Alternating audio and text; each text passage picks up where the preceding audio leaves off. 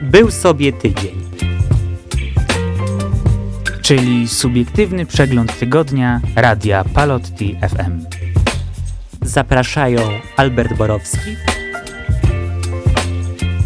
i Kacper Mojsa.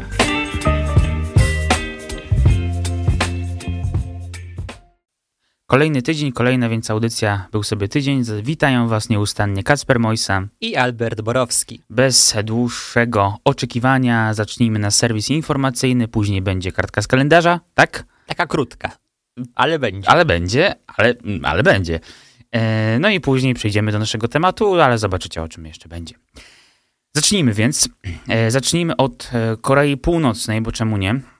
25 tysięcy mieszkańców północno-koreańskiego Hyesan zostało zmuszonych do oglądania publicznej egzekucji dziewięciu osób oskarżonych o ubój przeszło 2000 krów i sprzedaż wołowiny, podaje portal Radia Wolna Azja. Do egzekucji doszło 30 sierpnia. Według świadka przed egzekucją władze wojskowe przeprowadziły godzinną rozprawę przed specjalnym Trybunałem Wojskowym. Ujawniły szczegóły dotyczące przestępstw popełnianych przez każdą z tych osób. Siedmiu mężczyzn i dwie kobiety zostało przywiązanych do drewnianych pali, a potem zostało straconych przez strzelców wojskowych. Zostali zastrzeleni za zabicie i sprzedaż ponad 2100 państwowych krów od 2017 do lutego tego roku. Fabryki, farmy i targowiska w Hiesan zostały zamknięte, a wszyscy w wieku od 17 do 60 lat, którzy mogą chodzić, otrzymali nakaz uczestnictwa w egzekucji. Z raportu południowo-koreańskiej organizacji Trans Transnational Justice Working Group z 2021 roku wynika, że od przejęcia władzy przez Kim Jong-una do 2018 roku wykonano co najmniej 27 publicznych egzekucji. Pozostajemy w Korei Północnej, gdzie 8 września na placu Kim Il-sena w Pjongjangu odbyła się parada wojskowa z okazji 75. rocznicy powstania kraju. Plac, na którym odbyła się parada sił paramilitarnych, które dokonały wyczynów w realizacji świętej sprawy założenia i rozwoju Koreańskiej Republiki Ludowo-Demokratycznej, był pełen emocji i, rado i radości widzów, przekazała reżimowa agencja KCNA. Ulicami stolicy, jak podaje agencja, jechały też wyrzutnie pocisków przeciwpancernych ciągnięte przez traktory, odgrywające wiodącą rolę w mechanizacji prac rolnych na socjalistycznej wsi artyleria przeciwlotnicza, która zbudowała żelazne mury obronne na niebie nad każdą wioską i miejscem pracy, a także liczne wyrzutnie rakiet. Ale największą uwagę zwraca to, kto na trybunach parady oglądał. I nie chodzi o przywódcę Kim Jong-una, bowiem obok niego wśród najważniejszych osób w kraju siedziała jego dziesięcioletnia córka Kim Ju-ae. Kim Jong-un i jego szanowna córka wraz, wraz z marszałkiem Ri Pyong-cholem, marszałkiem Pak Yong-chonem i dowódcami wojskowymi zajęli zarezerwowane miejsca dla VIP-ów, podała agencja. Córka dyktatora zaczęła pojawiać się publicznie kilka miesięcy temu, a jej pozycja i rola w reżimie rośnie coraz bardziej. Zagraniczni eksperci i światowe media zastanawiają się, jaka będzie jej rola w reżimie w przyszłości. Teraz e, ta druga Korea, mianowicie Korea Południowa. Nauczyciele w tymże kraju domagają się szacunku i ochrony przed rodzicami uczniów.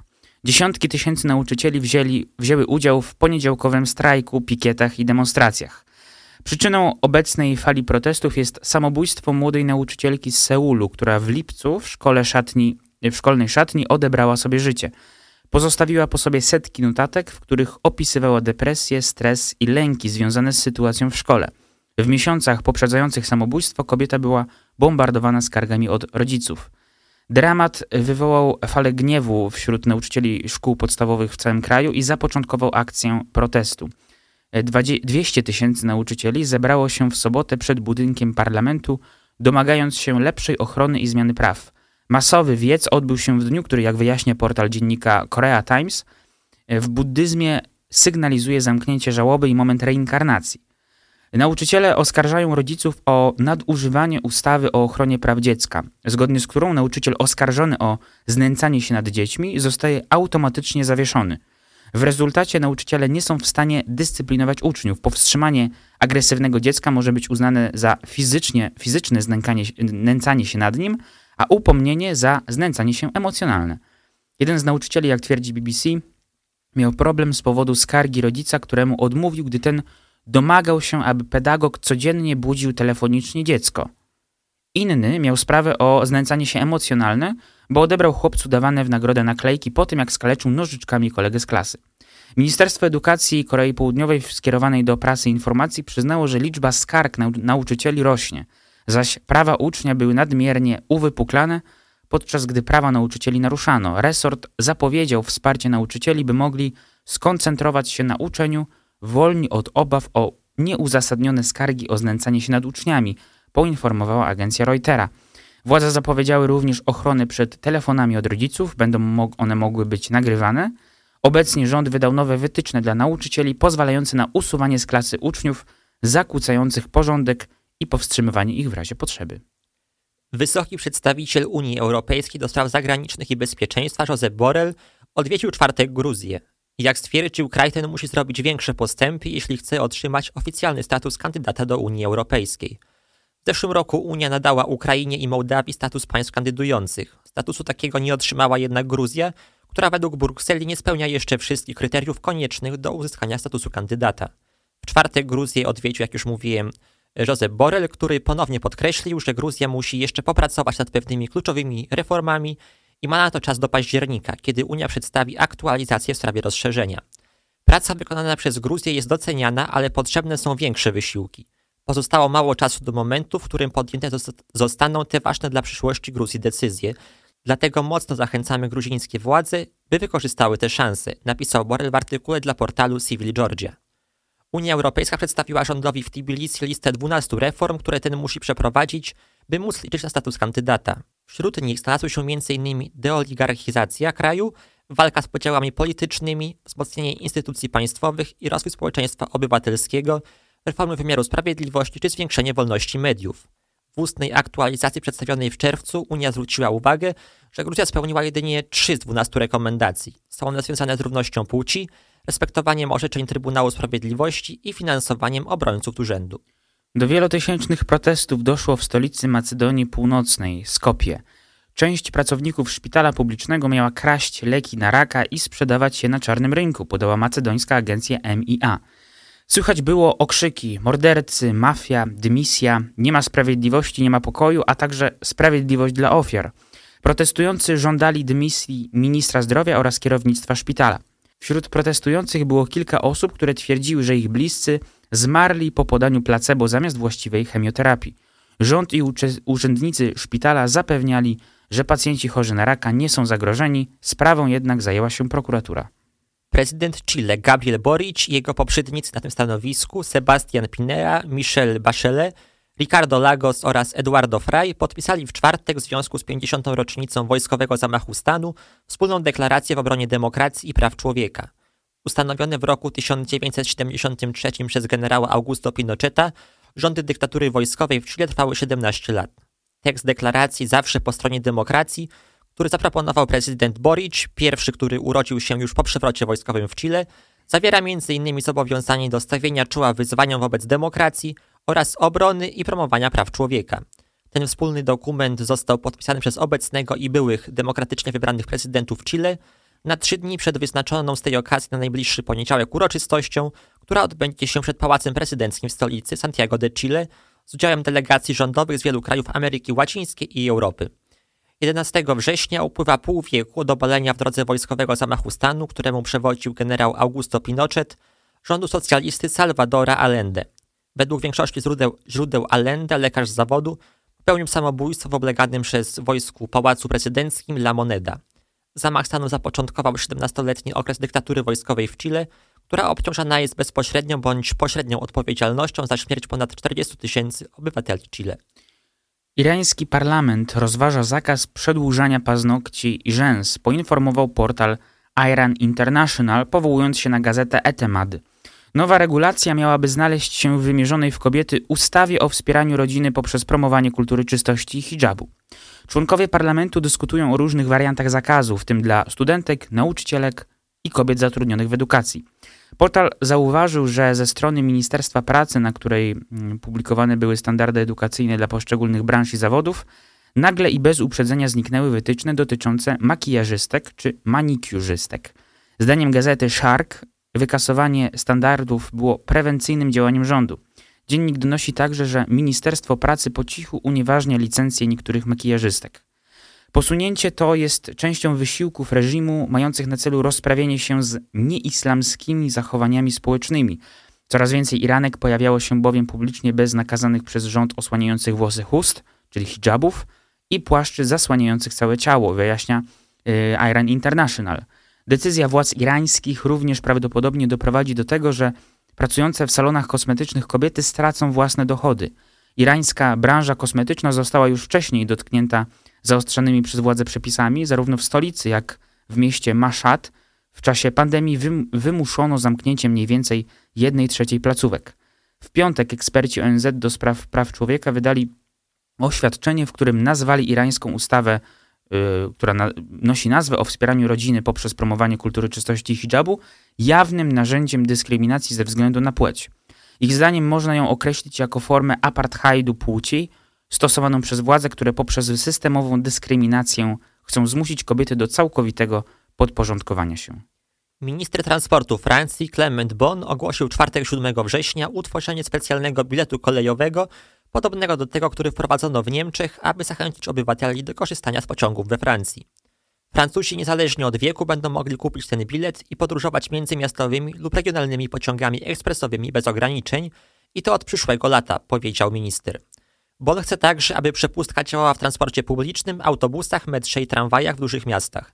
Według niego francuskie regiony mają atrakcyjne oferty kolejowe, czasami atrakcyjniejsze niż w Niemczech.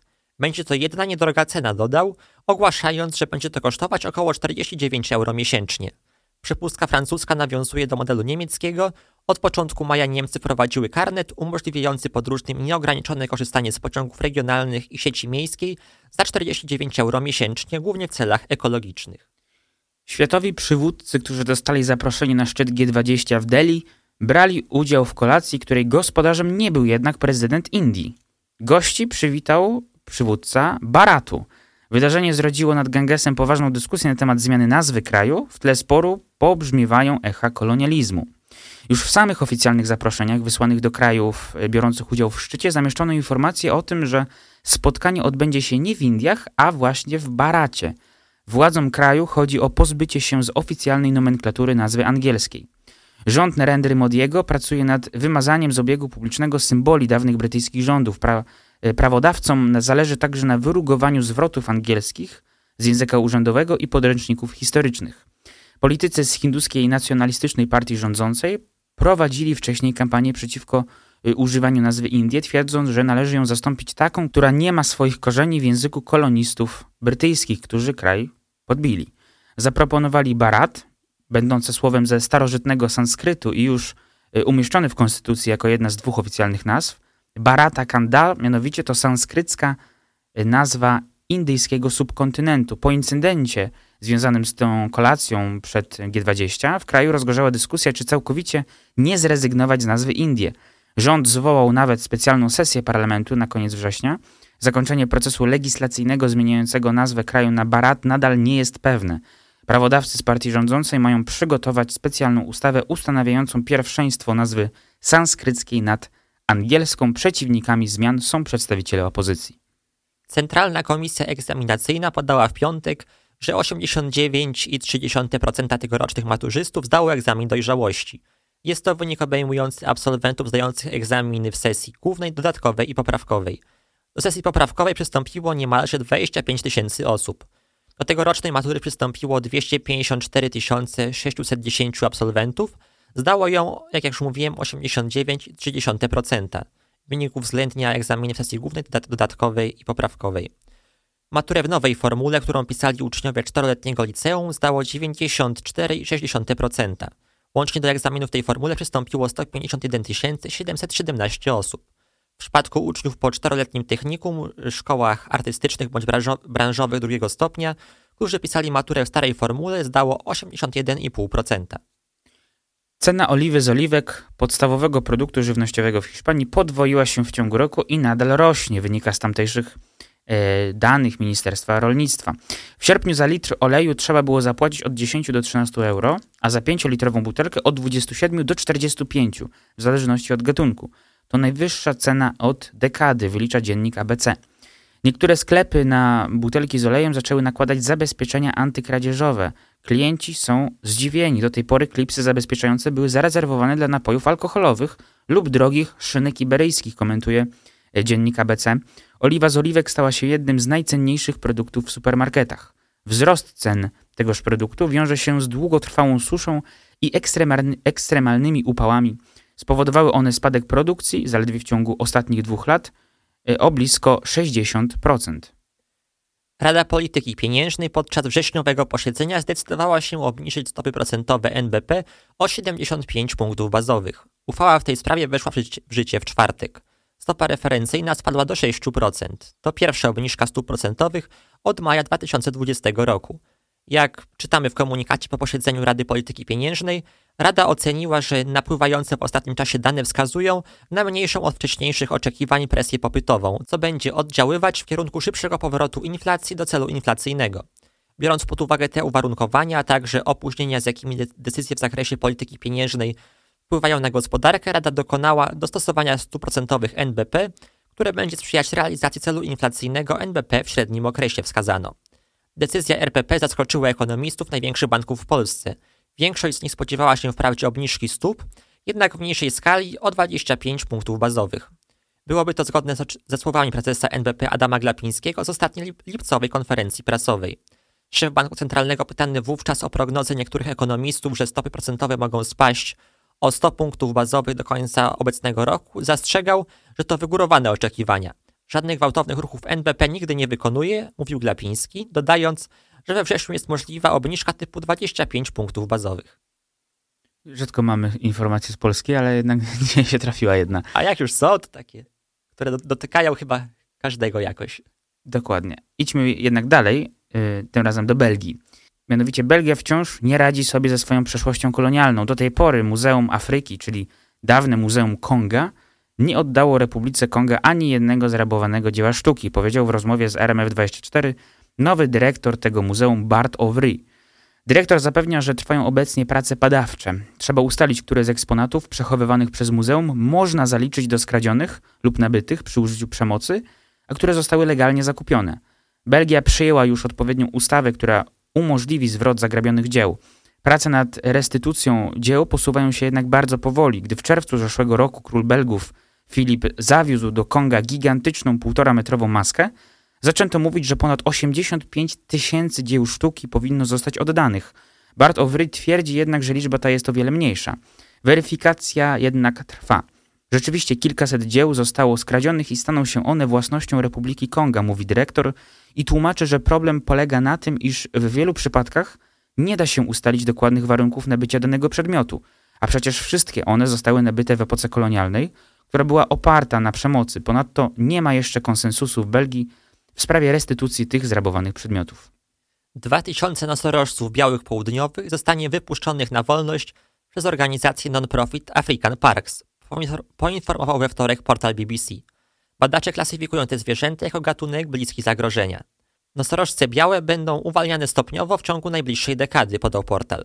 African Parks zajmuje się wspieraniem i reintrodukcją afrykańskich gatunków zagrożonych Grupa wykupiła borykającą się z trudnościami finansowymi farmę w północno-zachodniej prowincji RPA. Jej właściciel prowadził na farmie kontrowersyjną działalność handel rogami nosorożców. Argumentował, że było to konieczne, by chronić zwierzęta przed kustolnictwem i pozyskiwać środki na utrzymanie farmy. Populacja nosorożców białych południowych spadła w, spadła w latach 30. XX wieku do zaledwie 20-30 osobników, jednak dzięki skutecznym środkom ochrony ich liczba wzrosła do ponad 20 tysięcy. Istnieją tylko dwa ocalałe osobniki innego podgatunku, nosorożca białego północnego. Oba są samicami, zauważa portal. Większość nosorożców białych południowych występuje w RPA, Namibii, Zimbabwe i Kenii. W rosyjskich księgarniach masowo wykupowane są książki o Harrym Potterze, poinformował w niedzielę portal dziennika Komersant. Fani sagi o czarodzieju chcą mieć swoją kopię, ponieważ po inwazji na Ukrainę umowa licencyjna na książki została zerwana. Oznacza to, że do druków serii nie będzie. Zainteresowanie cyklem jest tak duże, że książki o Harrym Potterze znalazły się w pierwszej piątce najlepiej sprzedających się w Rosji pozycji. Jednak, jak twierdzi pracownica rosyjskiego Związku Księgarzy, obecnie wyprzedają się już resztki przedwojennych nakładów. Wydawania książek w Rosji odmówili też niektórzy inni sławni pisarze. Wśród nich jest m.in. autor horrorów Stephen King oraz brytyjski autor fantazy i science fiction Neil Gaiman, a także wydawnictwo Penguin czy Macmillan.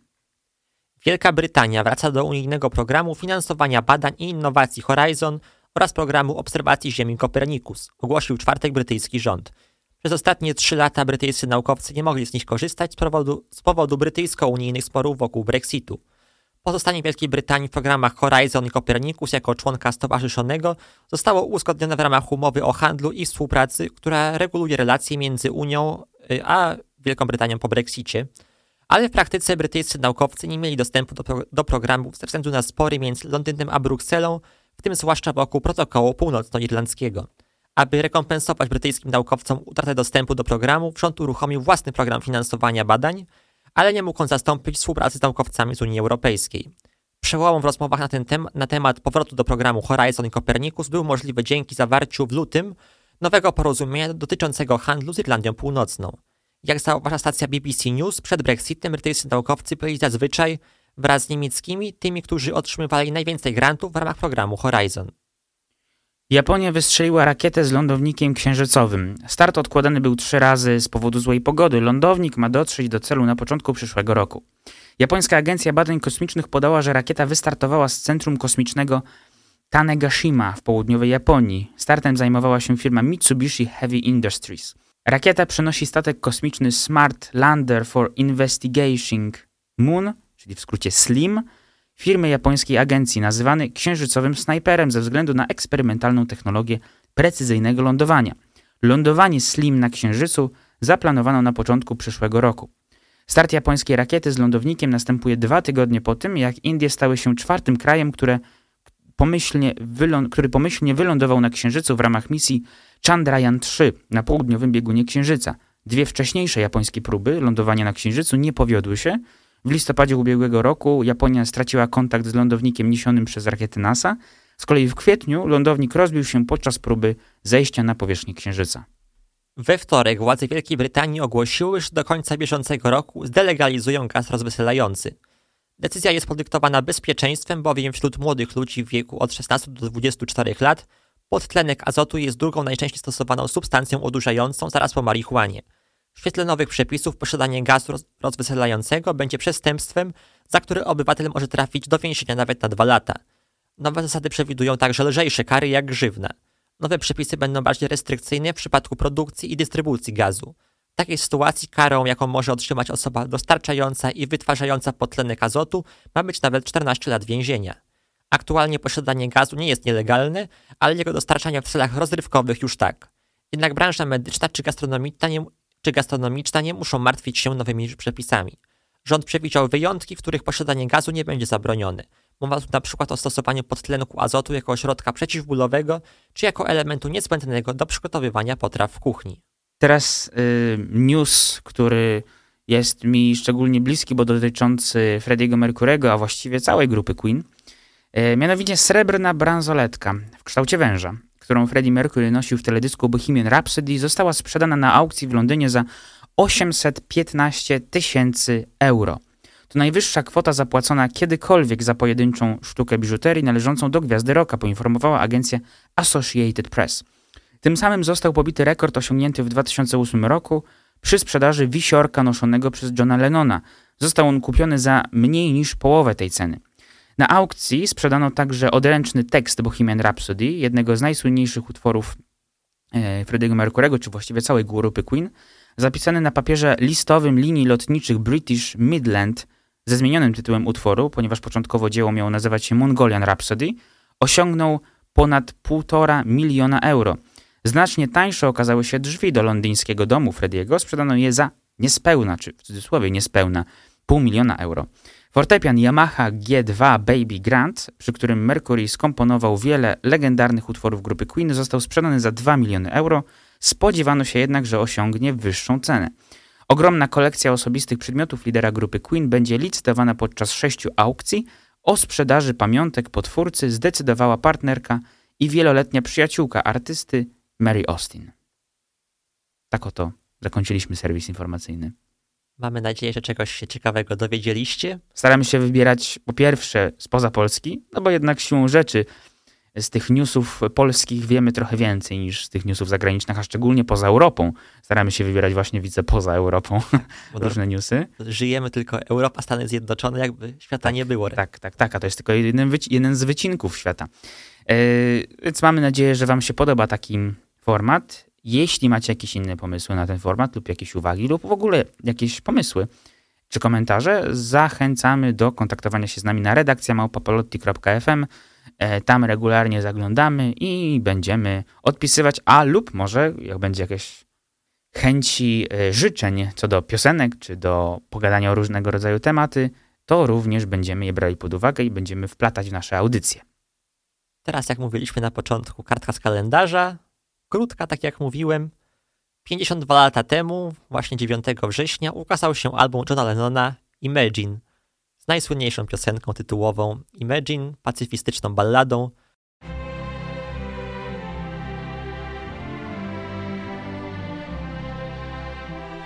Pallotyńskie Radio Ewangelizacyjne Pallotti FM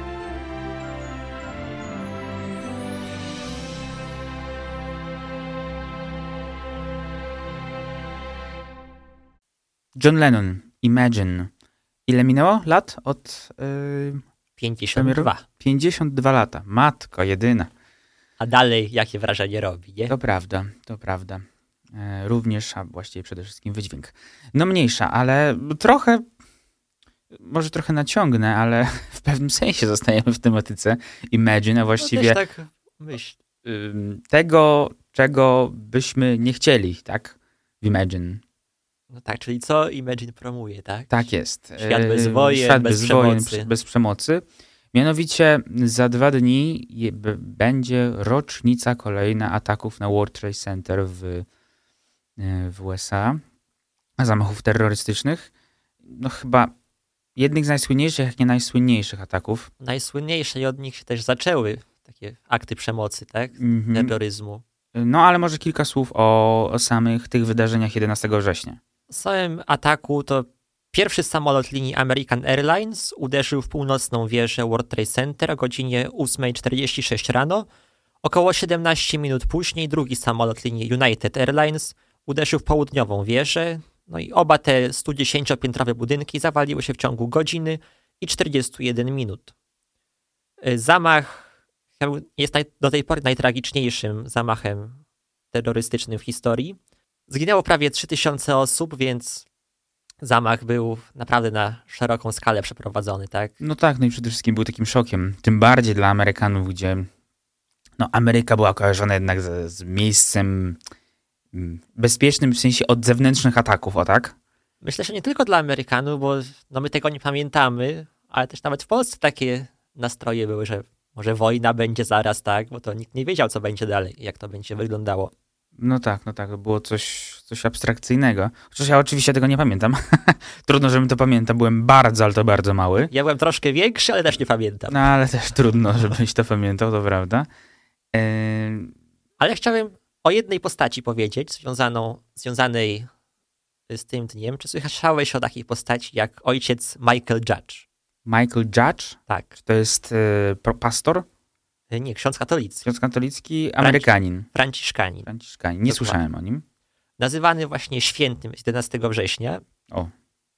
Był kapelanem nowojorskich strażaków. Jak usłyszał e, o zamachu, to od razu pobiegł na miejsce. Po drodze jeszcze spotkał burmistrza Nowego Jorku, Rudiego Giulianiego, e, który powiedział mu, żeby się modlił za miasto, za ofiary. No ale ojciec Michael, jako kapelan, on też strażaków, on tam działał mhm. z nimi, więc poszedł razem ze strażakami tam pomagać do lobby y, właśnie wieży mhm. Y, w swoim hełmie strażackim, tak, i w swoim stroju. Tam jeszcze udzielił po drodze ostatniego namaszczenia y, jednej osobie, czy nawet nie wiem, czy jednej, czy więcej. No i w trakcie, kiedy jedna, ta pierwsza zwierz się zawaliła, ojciec Michael prawdopodobnie został uderzony jednym z odłamków w głowę, no i zginął hmm. w tym miejscu. No jest słynne zdjęcie pokazujące, jak właśnie czterech mężczyzn na krześle wynosi już ciało y, ojca Judge'a, które zostało nazwane pietą amerykańską. Aha. I on też został zidentyfikowany jako ofiara 001 zamachów, ponieważ był pierwszym zidentyfikowaną osobą Aha. I może okej. wiadomo wcześniej, bo to już w trakcie samego uderzenia ludzie No zginęli. tak, ale chodzi o identyfikację. No, no w ogóle jedno z y, najgorszych, no trudno tutaj stopniować jakiekolwiek elementy tego wydarzenia, ale jednak no to zawalenie się tych wież było katastrofalne w skutkach. Nawet nie bardziej niż same uderzenia No tak. bezpośrednio oczywiście. Jeszcze wracając do ojca Michaela, są głosy, żeby dokonać jego beatyfikacji, tak? Chociaż Mhm. Kościół jest niespieszny do tego, ponieważ ojciec Michael był, nie wiem czy kontrowersyjną postacią, bo też działał Mhm. mocno na oso- dla osób bezdomnych, chorych na AIDS. No i działał też w duszpasterstwie osób homoseksualnych, co Kościołowi się może Mhm, Rozumiem, nie podobać. Sam był gejem, to wynika z jego pamiętników, chociaż no, celibat zachowywał z tego co wiadomo, więc No tak, no bycie osobą homoseksualną nie oznacza, że nie zachowuje celibatu. no tak, tylko że wiadomo, myślę, że Kościół do jego beatyfikacji raczej To prawda. Niemniej y, warta Ale jest to postać doznania. warta uwagi. Na przykład, kiedy udzielał ostatniego namaszczenia właśnie osobie umierającej na AIDS i ta osoba zapytała się go, czy myślisz, że Bóg mnie nienawidzi? Mhm. I on po prostu nic mu nie odpowiedział, tylko przytulił go, ucałował, no i czekał aż odejdzie, tak? Aż... Więc to jest taka postawa bardzo Chrześcijańska. chrześcijańska, tak. W swojej istocie wręcz. To były też czasy, gdzie nawet jakieś środowiska medyczne, lekarze bali się osób No tak, no tak. zarażonych wirusem HIV, tak? Oczywiście. Że bali się ich dotykać, a ojciec Michael właśnie chodził do tych ludzi i też im posługę świadczył. Chociaż to już było trochę po wydarzeniach. y, No kojarzy mi się księżna Diana, która też dotykała osób chorych na AIDS. Trochę to tabu było łamane, ale jeszcze, tak. ale jeszcze ten proces trwał, to prawda. Y, Jeśli chodzi o takie... y, No temat World Trade Center i wszystkiego, co się działo wokół jest... y, Czyli w ogóle temat terroryzmu jest y, ciekawy, jeśli chodzi o swoją historię. Ja ostatnio, przyznam szczerze, trochę słucham różnych podcastów. Mhm. takich historyczno-aktualno-światowych. Bardzo polecam y, podcast. y, To nie dostajemy pieniędzy za reklamowanie, żeby wolę to. Od razu nicze, niczego nie reklamujemy za pieniądze. Nie, ale polecamy po prostu. Czyli ja polecam w tym momencie podcast za rubieżą Miłosza Szymańskiego. Bardzo fajny podcast a propos właśnie różnego rodzaju historii dawniejszych bądź bardziej aktualnych, e, związanych właśnie z tą zarubieżą, czyli spoza Polską lub trochę się tylko wierzących z polską historią. Między innymi e, to jeśli chodzi o terroryzm, to kojarzy mi się właśnie mm, no Ku Klux Klan, seria o Ku Klux Klanie, taki no powiedzmy terroryzm, czy bardziej sekta, ale jednak pewne tematy około terrorystyczne. Yy, o Boko Haram, obecnie jeszcze wciąż działającej bojówce terrorystycznej w Nigerii, w okolicach, yy, która bardzo ciekawa sprawa, bo władze w Nigerii i okolicznych yy, państwach, w których to Boko Haram działa, doskonale wie, gdzie ta siedziba się ich znajduje, doskonale wie, gdzie oni się znajdują, ale nie potrafią sobie z nimi poradzić. A to już jest taka, taka bardzo fundamentalistyczna, z takich tych najskrajniejszych fundamentalistycznych bojówek. Mm, No ale oprócz tego też e, jeśli chodzi o podcast inny, tutaj trochę może taki segment polecajek będzie, ale nie szkodzi. Chętnie posłucham. Podcast historyczny Rafała Sadowskiego, to też polecam. Tu z terroryzmem kojarzy mi się Grupa Najwyższej Prawdy w Japonii e, z Om Shinrikyo na czele. E, Właściwie o Boko Haram znałem, mówię, wcześniej, przed wysłuchaniem tychże mm, podcastów. O, no o Ku Klux Klanie to wiadomo, że w pewnym wyobraźni każdego jest, jak to wygląda z tymi kapturami, chociaż to nie do końca tak wyglądało. Się okazuje, że to palenie krzyży było raczej w filmach więcej ukazane niż oni rzeczywiście to robili. Mm, O Boko Haram się słyszało wcześniej, bardziej nazwa i że Afryka, tyle mi się kojarzyło, kropka. Mm, Natomiast o najwyższej prawdzie w Japonii nie wiedziałem nic. W ogóle nie Mhm. wiedziałem, że jest, był ktoś taki. To dosyć niedawno.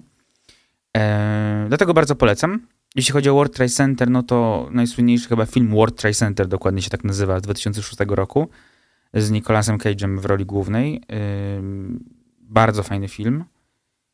No, ale oprócz tego, no, bardzo dużo tych produkcji powstało a propos World Trade Center, filmów fabularnych, no, dokumentalnych oczywiście, rzecz jasna też, podcastów z pewnością też, chociaż jeszcze nie natrafiłem akurat na który wysłuchałem. Em, ale są wiem, że jest film chyba Lot z Newark albo coś takiego się nazywa. Mm, Wybaczcie, że nie przypomnę sobie tytułu, ale to nie jest teraz istotne.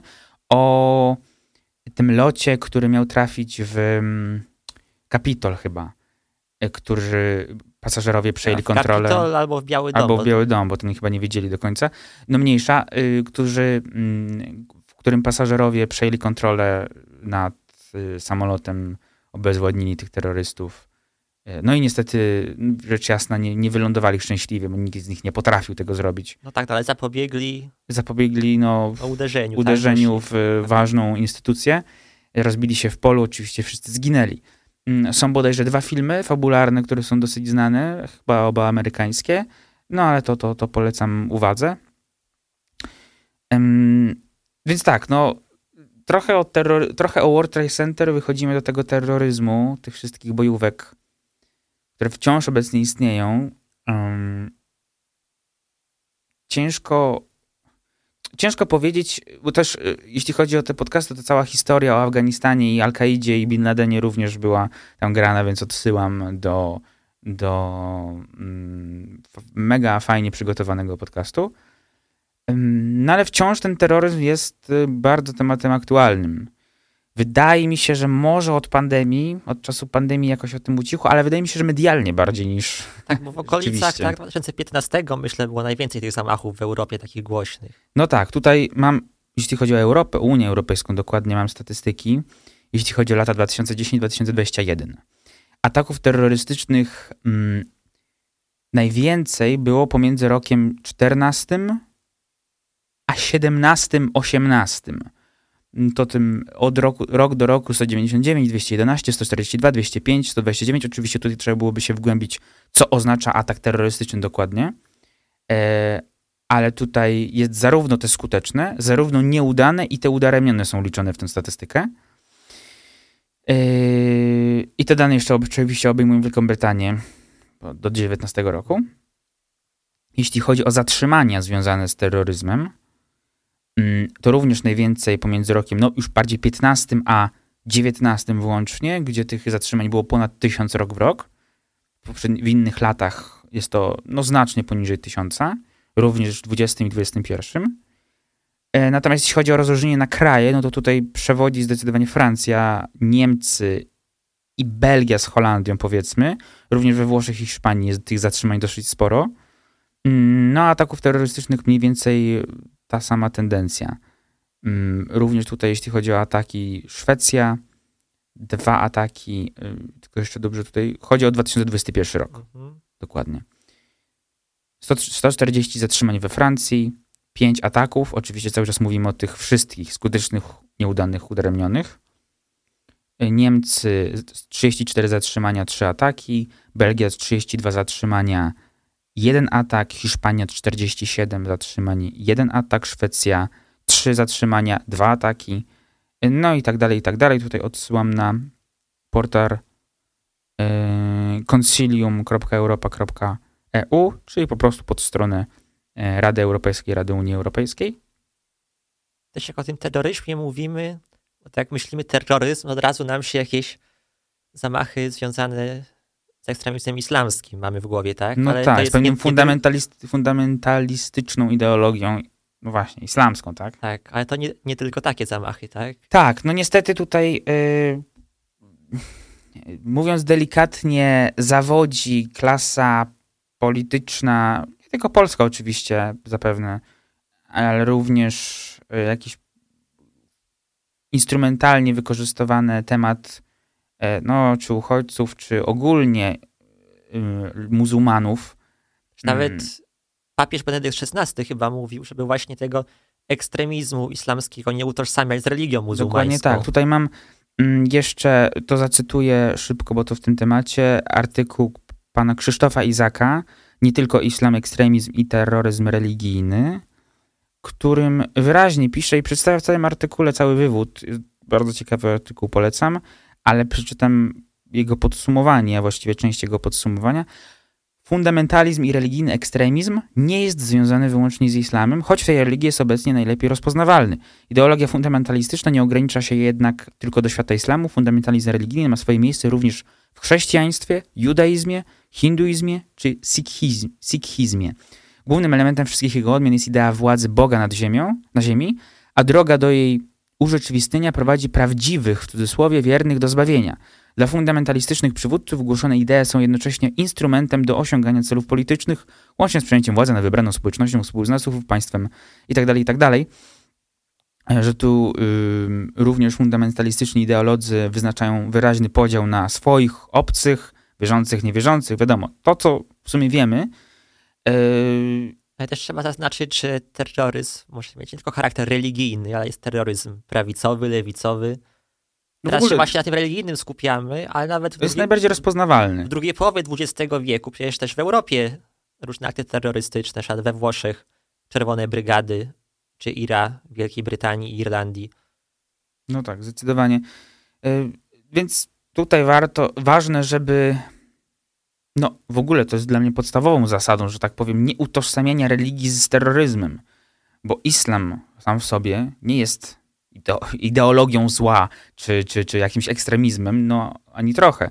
Wręcz yy, słyszałem o wielu yy, uczonych Koranu, już mniejsza, nie chcę wchodzić w nazewnictwo, bo jeszcze pomylę, yy, którzy wyraźnie mówią, że Koran wcale nie mówi o takich rzeczach, że jest no, instrumentalnie wykorzystywany przez ludzi, którzy chcą omamić młodych, najczęściej chłopaków, e, którzy ob, obiecana wizja zbawienia ma im zapewnić, czy ma zapewnić tak naprawdę to, że pójdą się wysadzić na przykład.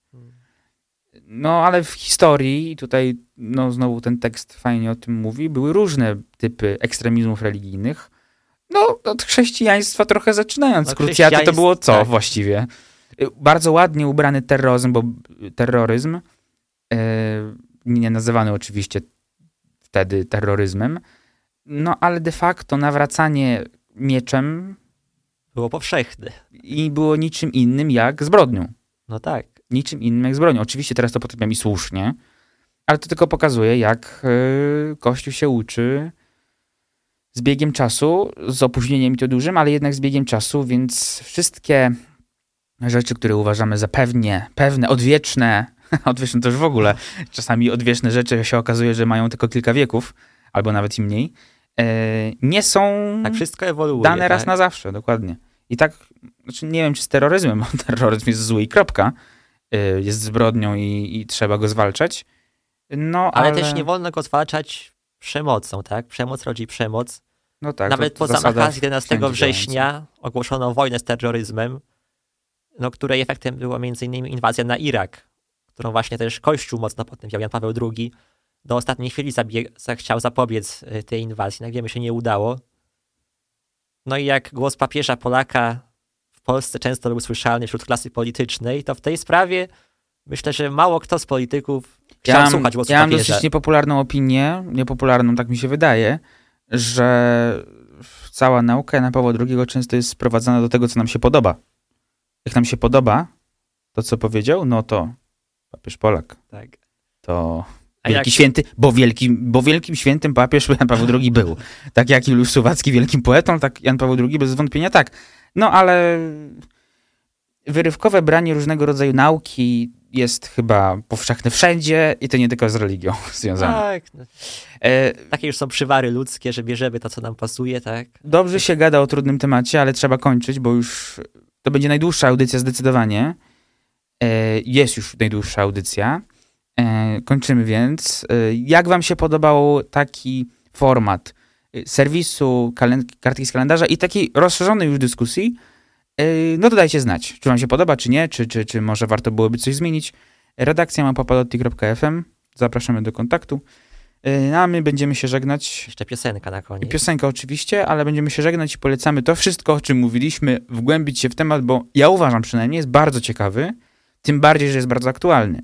A warto o aktualnych rzeczach wiedzieć po prostu, bo wiedza to potęgi klucz. A piosenka też jest związana z naszym tematem, mówi o wojnach, o terroryzmie. Polecam tłumaczenie tekstu sobie przeczytać. To jest piosenka włoska z 2018 roku. Wygrała festiwal w Sanremo, potem na Eurowizji chyba piąte miejsce zajęła.